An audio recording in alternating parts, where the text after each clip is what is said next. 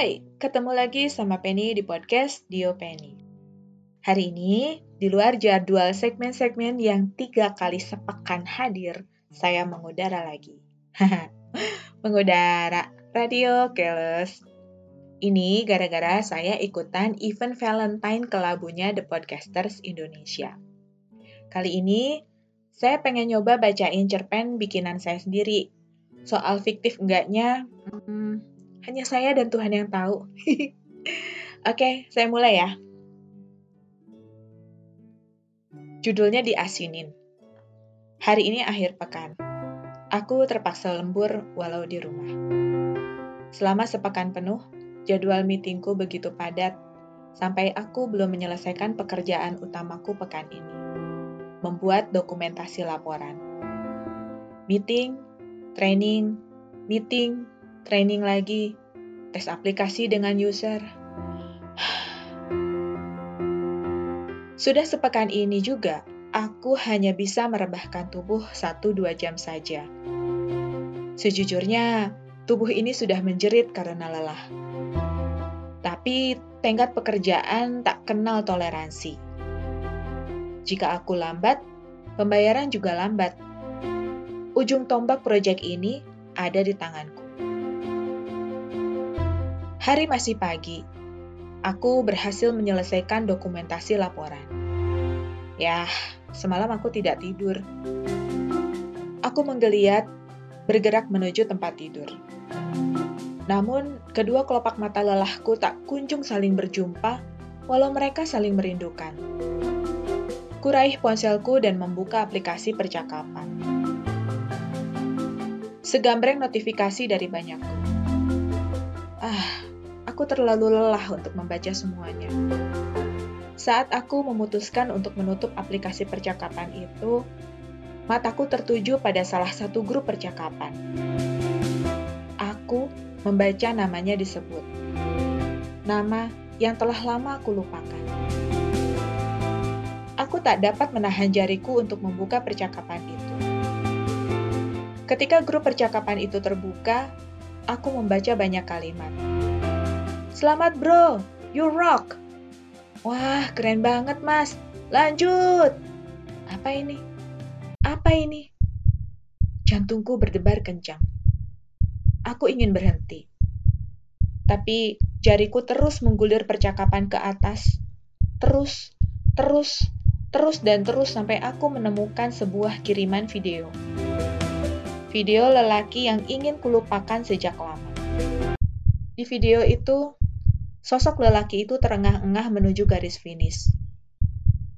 Dia berhasil berlari kurang lebih selama 13 jam, menempuh 90 km seorang diri. Mataku basah. Benakku mengaduk-aduk arsip memori yang sudah lama tak pernah dibuka. Satu arsip terbuka membawaku ke masa sekitar 8 tahun lalu. Saat itu aku hendak menggantung lampion dia mendekatiku dan meledekku. Do you have problem with your height? Ujarnya, seraya meraih tali lampion dan menggantungkannya ke tiang di depanku. Ukuran tubuh miniku selalu menjadi bulan-bulanannya. Anehnya, aku tak pernah merasa terganggu di ejeknya. Sebab, walau seraya mengejekku, dia tetap membantuku menyelesaikan tugas yang belum rampung kuselesaikan. Lama-kelamaan, Aku terbiasa dengan ejekannya. Rasanya kalimat-kalimat yang dilontarkannya untuk mengejekku menjadi candu. Aku masokis. Tapi look at the bright side. Dia ada untuk mengejekku. Tapi itu bagian lain dari memperhatikanku kan? Dia selalu menyadari jika ada sesuatu denganku. Dia selalu jadi orang yang pertama tahu jika sorot mataku tak seperti biasanya, jika sikapku tak seperti biasanya. Bahkan ketika pagi itu, aku mendapat kabar bahwa kakekku berpulang ketika kami masih ada acara di lapangan. Aku tahu, pulang ke rumah pun percuma. Kami sekeluarga tak akan bertolak ke Surabaya, tempat kakek kami berada dan akan dimakamkan. Ayahku sudah ada di sana menemani kakek hingga hari terakhirnya. Situasi keuangan kami sedang tidak memungkinkan untuk membiayai ibu, aku, dan adik-adikku menyusul ayah ke Surabaya. Aku berlari menuju markas. Aku memeriksa seluruh ruangan di markas. Tak kutemukan seorang pun sehingga aku bisa bebas menangis di situ. Kakek yang memang tak pernah dekat denganku karena kakek terlalu pendiam, namun aku merasa sangat kehilangannya. Jika aku bertandang ke rumah kakek lagi kelak, aku tak akan pernah melihatnya lagi membaca koran sambil menantikan kedatanganku. Membayangkannya saja, hatiku bagai teriris. Aku pun sesenggukan. Aku masih merasa bahwa aku menangis sendirian hingga kurasakan tatapan di punggungku. Aku menoleh dan mendapatinya sedang memandangiku. Ya Tuhan, aku malu.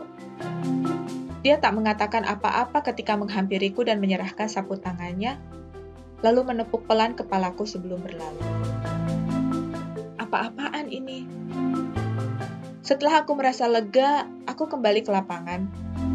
Aku merasakan matanya mengawasiku. Aku tak berani membalas tatapannya. Luka di hati karena kehilangan kakek masih basah dan nyeri. Ini ditambah nyeri yang lain. Seperti giuk rasanya. Aku takut. Aku takut karena aku menyukainya. Sebab aku tahu dia milik orang lain. Hari-hari berlalu, ketika aku sudah tampak ceria, dia kembali bersikap seperti biasa menggangguku dengan segala yang bisa dikatakannya. Dia kembali membuatku tertawa dengan ledekannya. Tapi jantungku, duh, jantungku tak bisa diajak kompromi untuk berdebar pelan saja. Kenapa juga setiap aku menangkap sosoknya dari sudut mataku, seketika itu juga jantungku harus bereaksi dengan debaran kencangnya. Kamu tentu tahu, jika jantungmu berdebar kencang tak terkendali, maka otakmu akan membuatmu beku. Seluruh organ tubuhmu yang lain akan ikut beku. Lidahmu juga keluh. Mataku tak berani membalas menatapnya. Aku sibuk menahan debaran jantungku. Aku juga sibuk untuk berusaha bersikap biasa yang seringnya kalah dengan kecanggungan yang ada. Aku aku jatuh cinta padanya. Suatu hari, dia berpamitan pada kami di markas karena dia akan pergi kerja praktik di lapangan di luar Pulau Jawa. Akan berapa lama aku tak melihatnya? Sudahlah, aku memarahi diriku sendiri. Aku tak pernah punya hak untuk melihatnya. Aku harus mengingatkan diriku bahwa dia bukan milikku. Dia milik orang lain. Tapi aku tak bisa membohongi hatiku. Aku benar-benar menyukainya. Ketika dia hendak berlalu meninggalkan markas, aku menghampirinya. Aku memberanikan diri memintanya menyempatkan menulis surat untukku. Kuserahkan secari kertas berisikan alamat suratku. Dia tersenyum dan menepuk kepalaku sebelum berlalu. Ya ampun, dia bisa saja meremas kertas itu lalu membuangnya kan? Kenapa dia malah tersenyum dan menyimpannya di dompetnya? Selama dia tak menampakkan dirinya, aku berusaha keras tak menantikan suratnya. Mana mungkin dia akan mengirimiku surat? Siapa aku? Tapi aku, aku kangen padanya. Aku kangen diledek olehnya. Kangen dibantu olehnya. Saat dia tak ada di sini, ketika aku mendapat masalah, tak ada lagi orang yang peduli padaku. Hanya dia yang peduli padaku. Tuhan menjawab keresahanku dengan memberiku setumpuk tugas dan pekerjaan yang harus kulakukan sehingga aku lupa padanya. Lupa bahwa aku merindukannya.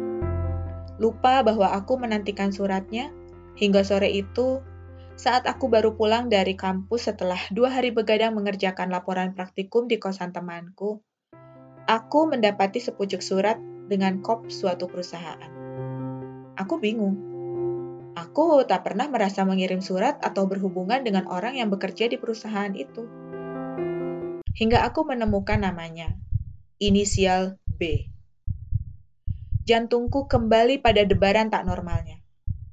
Rasa hangat menjalari tubuhku ketika aku mulai menelusuri kalimatnya. Menikmati kata-katanya. Dia bertutur bahwa dia lumayan kesulitan mendapatkan waktu untuk menulis surat untukku.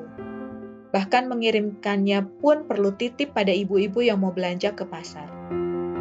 Fasilitas umum seperti pasar, kantor pos, dan lain-lain lumayan jauh dari kompleks tempat mereka tinggal. Untuk sampai ke tempat-tempat itu, mereka harus naik bis perusahaan yang beroperasi secara terjadwal. Aku membayangkan ekspresi wajahnya ketika meminta tolong pada salah satu ibu untuk mengirimkan surat itu padaku. Ya Tuhan, aku tersipu. Aku tak bisa menahan diri untuk tak bersorak bahagia. Sebesar itu perjuangannya untukku. Apakah apakah ini pertanda? Apakah dia menyukaiku juga? Tapi lalu bagaimana dengan perempuan itu?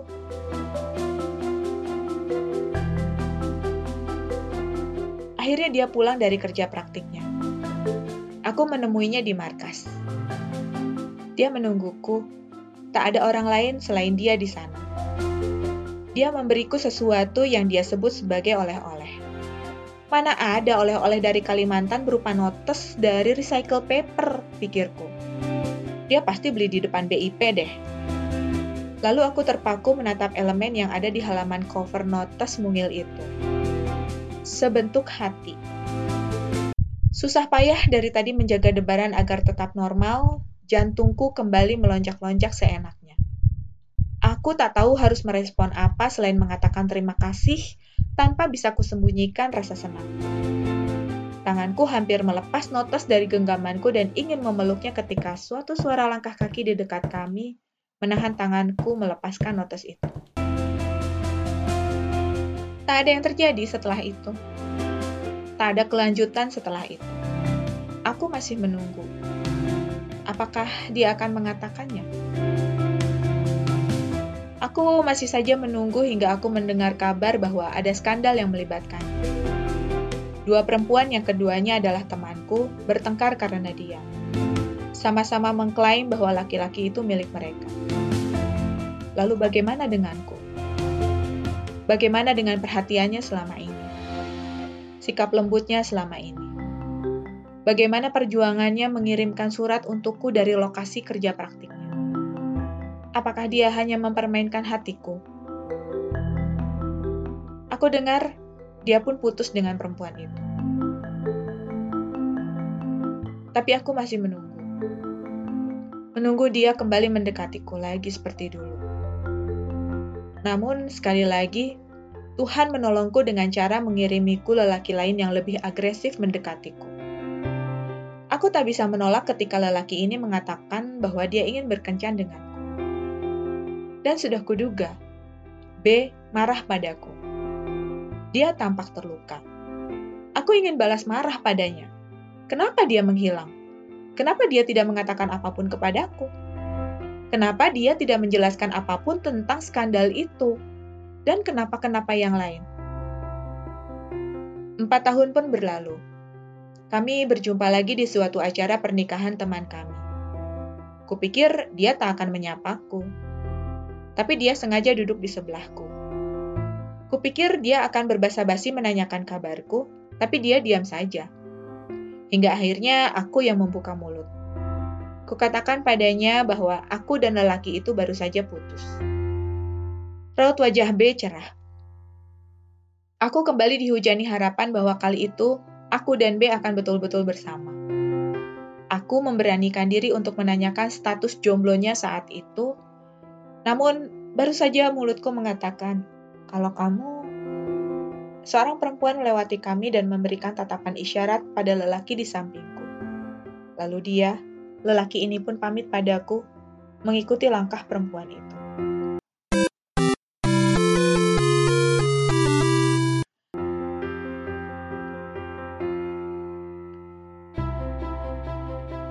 Seandainya aku hari ini adalah aku delapan tahun lalu, Mungkin aku sudah berani mengatakan semuanya padanya, bahwa aku menyukainya, sangat menyukainya, dan masih sangat menyukainya.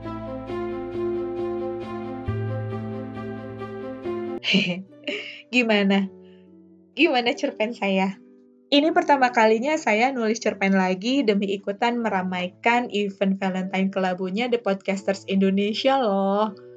Terakhir nulis cerpen itu kapan ya? Udah belasan tahun lalu deh kayaknya. Oke deh, maafkan kalau garing ya. Sampai ketemu lagi di cerita-cerita lain. Follow Instagram thepodcasters.id juga di openi di .o.penny. Bye-bye. Sampai ketemu lagi. Kamu harus tersehat biar bisa dengerin saya cerita-cerita lagi. Dadah, bye-bye.